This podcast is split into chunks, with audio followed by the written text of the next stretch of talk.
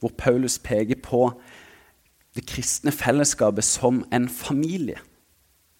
Hvor søskenkjærligheten skal bære preg av det som Ronny sa, at vi heier på hverandre. At vi hedrer hverandre istedenfor å herde hverandre. Og så nummer fem prioritere unge og familie. Unge og familie trengs å lyttes til. Og Det er jo ikke til å legge under en stol at eh, det er her veldig mye av disippelgjøringa skjer. Spesielt i ung alder. Det er med familien man spiser middag og tilbringer hverdagen med. Da trenger jeg òg fellesskapet å, å hjelpe til, og kanskje være tett på. Og så den siste være den beste neste. At man blir utrusta til å eh, reflektere Jesu nåde òg til mennesker utenfor disse fire veggene her. Så var det som vi snakka om i går, da, at det starter med at vi elsker hverandre her. Og så vil det smitte over på å elske andre. Jeg tror det er noen gode nøyler, eller nøkler. Og ja, jeg måtte bare gå, gå, rett på sak, så det ble på en måte det ble introen. Og jeg tror vi fikk noen, noen gode samtaler òg ut ifra dette. Vi la til rette for, eh, for samtale og drodling ut ifra noen spørsmål. Der kunne speile liksom, Josheim sitt fellesskap ut ifra disse nøklene her. Og Det tror jeg har fall, Vi har fått tilbakemelding på at det har ført til litt sånn bevisstgjøring. Og at man ser at ja, vi, vi er f.eks. et eh, Vi begynner å bli et varmere fellesskap. Og så har man potensial til å komme enda tettere sammen som familie. Og det ble det noen, noen gode historier på, spesielt i går. Og i dag så vil jeg bare komme kort inn på eh, det som er bottom line, det som er grunnlaget i dette. Hva er det? Jo, det er kjærligheten. Så skal jeg invitere Jørgen opp etterpå til å dele vitnesbyrd om hvordan han har opplevd det kristne fellesskapet. Jeg har lyst til at vi skal ta utgangspunkt i et vers fra Johannes evangeliet. Johannes kapittel 13. Og Der er det Jesus som sier noen ord som kanskje noen av dere som var her i går, legger merke til ett ord spesielt, og det er ordet 'hverandre'. Hvordan skal vi som troende søsken behandle hverandre? Det peker Jesus veldig tydelig på i disse versene her. Og han sier, 'Et nytt bud gir jeg dere, at dere skal elske hverandre.' 'Slik jeg har elsket dere, skal dere elske hverandre.' Av dette skal alle forstå at dere er mine disipler, om dere har kjærlighet til hverandre. Hva skal prege hverandre-fellesskapet? Jo, kjærligheten. Jesus klinker det klart her. Det er det å elske hverandre. Og Jeg vil si litt om første delen først, akkurat som jeg gjorde i går. Bare da ut ifra et annet vers. Men Jesus han sier altså at vår kjærlighet til hverandre skal bære preg av hvordan han har elska oss. Hvordan har Jesus elska oss?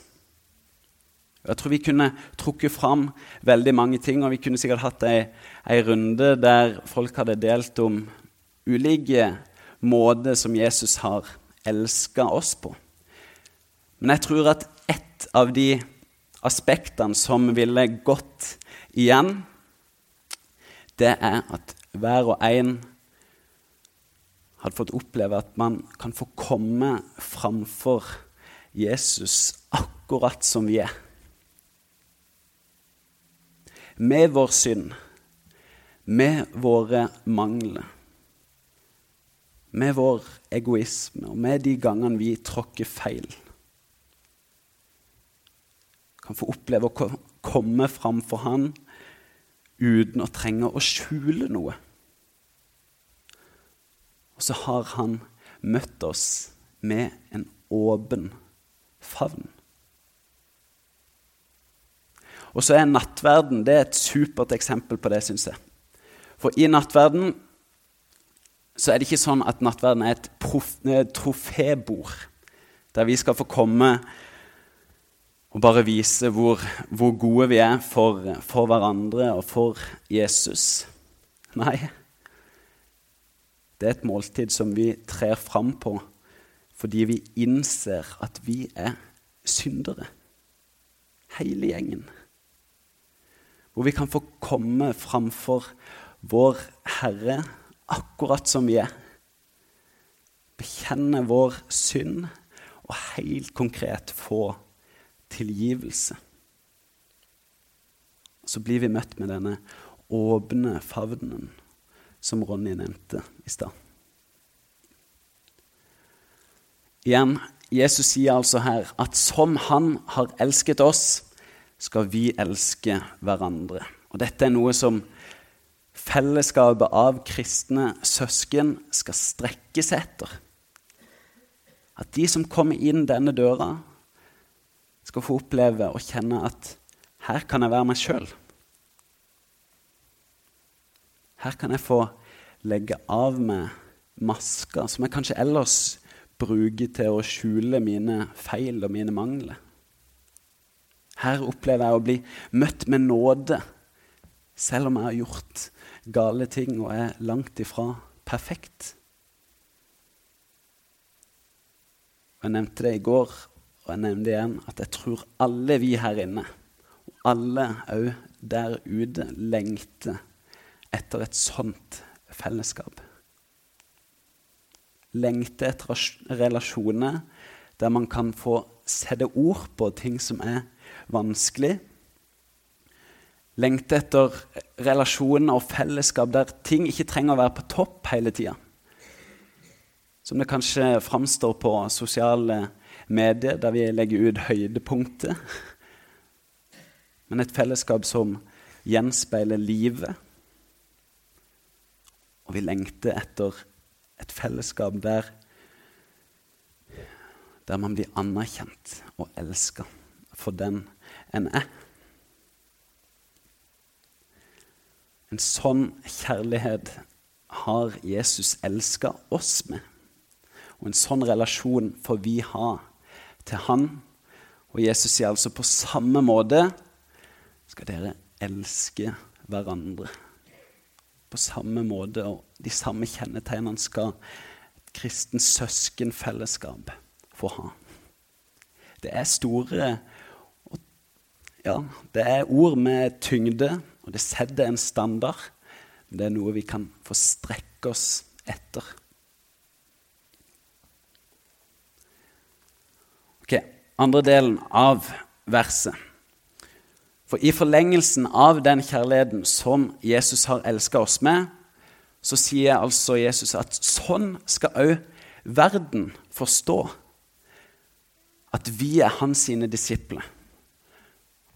Ved dette skal alle forstå at dere er mine disipler, om dere har kjærlighet til hverandre.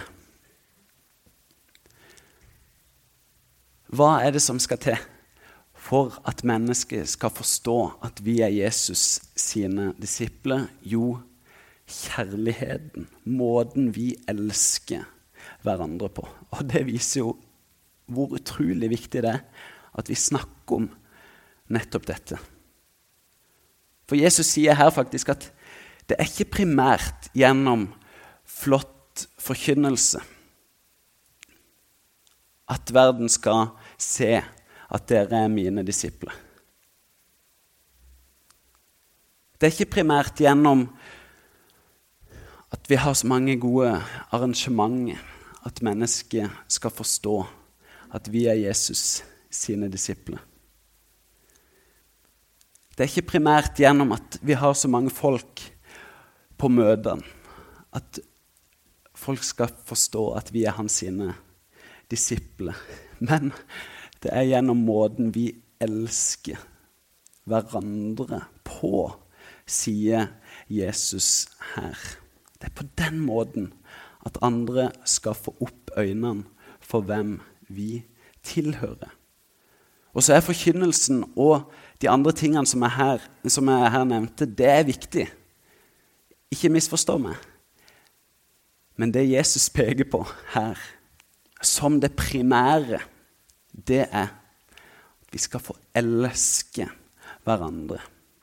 Og den kjærligheten, den har kraft til at andre mennesker får opp øynene for noe som de egentlig lukker øynene for. Jesus peker på kjærligheten. Jeg skal vise et konkret eksempel på det før jeg inviterer Jørgen opp. Dette det er to bilder fra en lagssamling i Bodø. Eh, og så er det versene som jeg har snakka om, over der. I hvert fall vi har en som går i kirka vår, som har jobba som lagsarbeider i nord. Og konteksten for disse bildene det var at han skulle til Bodø en uke. Han reiste rundt til ulike skoler i en uke om gangen og besøkte lagsarbeidene som foregikk der. Og så var det sånn at når han skulle til Bodø, så fikk han streng beskjed av rektor dere får ikke låne et klasserom. Det er ikke snakk om at, at dere skal få forkynne et evangelie eller forkynne Jesus på et klasserom. Og det er jo sånn, Hvordan skal man reagere på det? Jo, man, man kan kanskje reagere med å, å, å, klage eller publisere noe på nettet eller bare avlyse hele greia. Måten denne gjengen reagerte på, det var at de samla alle samlingene den uka til kantina, der resten av skolen var.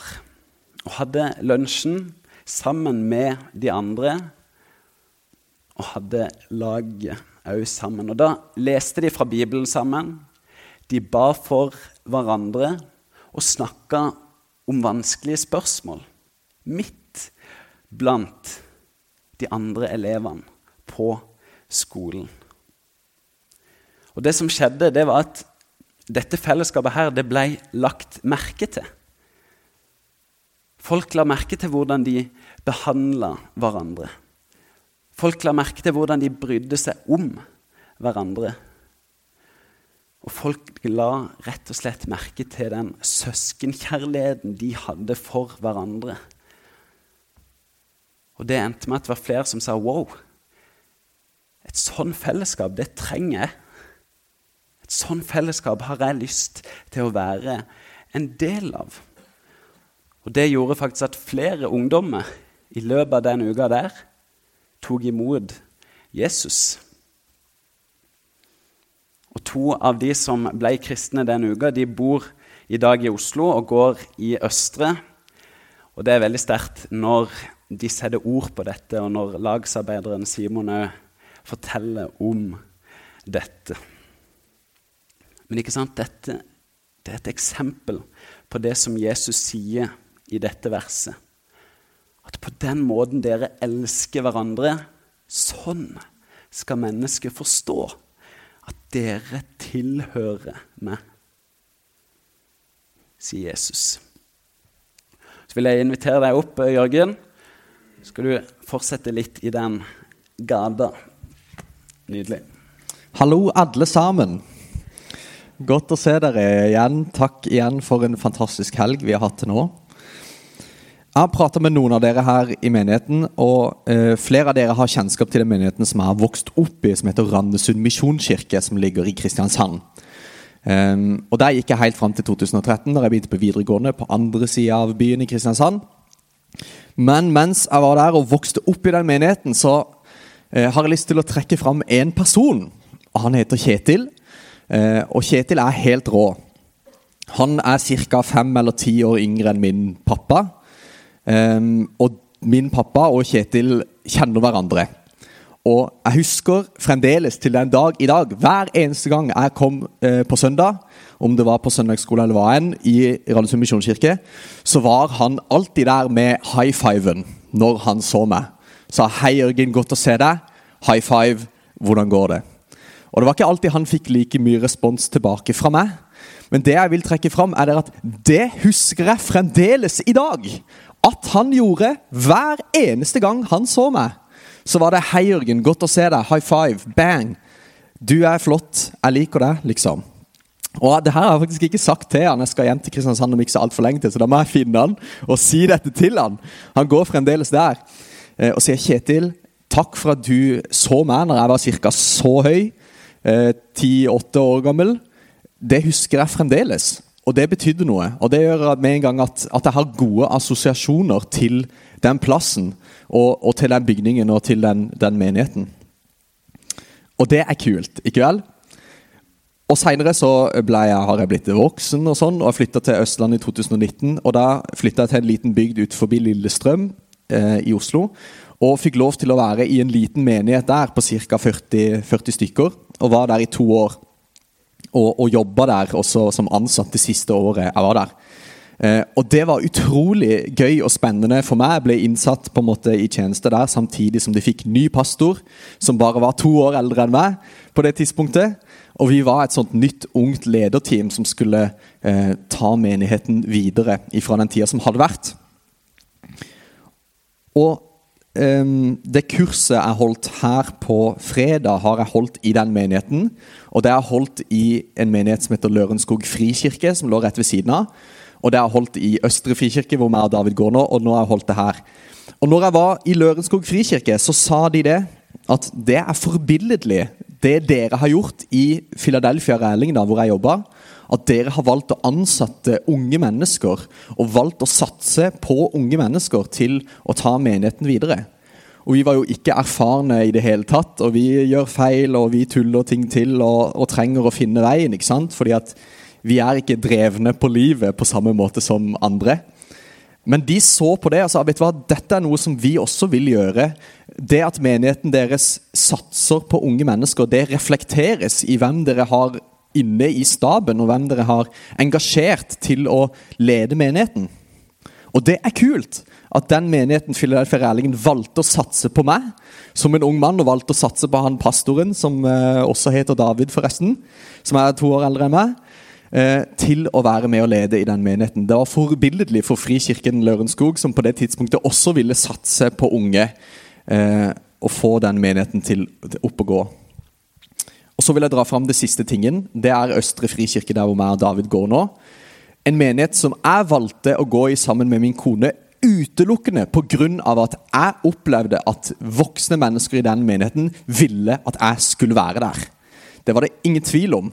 Og du kjenner det med en gang du kommer inn i et rom, om du er ønsket eller ikke.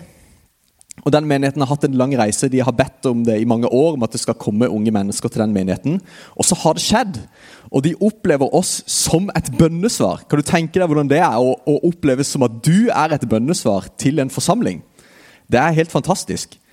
Og så har de hatt sine ting, og, de har hatt sine diskusjoner òg, for ting har endra seg i menigheten etter hvert som det kom unge mennesker. Eh, og De hadde et møte der, og det var en, en som kom fram og sa at han, han var bekymra over menigheten i forhold til hvordan ting hadde endra seg de siste årene. Og så kommer det, altså De spilte ikke de samme sangene som før og gjorde ikke ting nøyaktig sånn som før. Men så kommer det fram en annen mann og så sier han at nå har vi bedt i ti år, eller hvor lenge det er, 30 år, eller hva søren, for at det skal komme unge mennesker hit. Og nå er de her. Og da vil ikke jeg si at nå må vi gå tilbake til det vi gjorde, for nå er de faktisk her. Og nå er de i menigheten. Dette som vi har bedt om, har skjedd. Og kul musikk og nye former og sånne ting, det er ikke det som gjør at unge mennesker kommer til menigheten. Men det er et tegn på at det kommer nye unge mennesker hit. For de er nye, de tenker annerledes, de synger noen andre sanger. Så det at ting endrer seg, er et tegn på at det kommer nye hit. Og det er en bra ting man burde ønske det velkommen da. Og jeg syns den menigheten har gjort det fantastisk bra. Og de er borte og prater med meg sier 'Hei, Jørgen, hvordan går det?' 'Fint å se deg. Du skal til Karmøy om to uker. Hvordan blir det?' liksom? Når jeg kommer tilbake neste søndag, nå, så kommer de til å spørre meg 'Hvordan var det på tur, Jørgen? Har du hatt det gøy, eller?' Og det er fint. Og jeg er veldig takknemlig for, eh, for, alle disse flotte fellesskapene som jeg har fått lov til å være en del av. Hvor voksne mennesker har sett meg opp gjennom hele veien. Og jeg er heldig som har fått lov til å erfare det. Eh, og det er, eh, det er ingen tvil i mitt hjerte om at det å satse ungt, det å ønske de unge velkommen og prioritere de, det er veien framover. Og jeg tror de menighetene som kommer til å gjøre det bra i framtiden, er de som kommer til å klare å samle alle generasjonene på søndag det, jeg tror det er de som kommer til å gjøre det bra i framtiden, og som kommer til å erfare at fellesskapet vokser hele tiden. Fint? Takk for meg. Kult. Takk, Jørgen. Fikk lurt inn litt strategi der òg. Det er jo helt konge.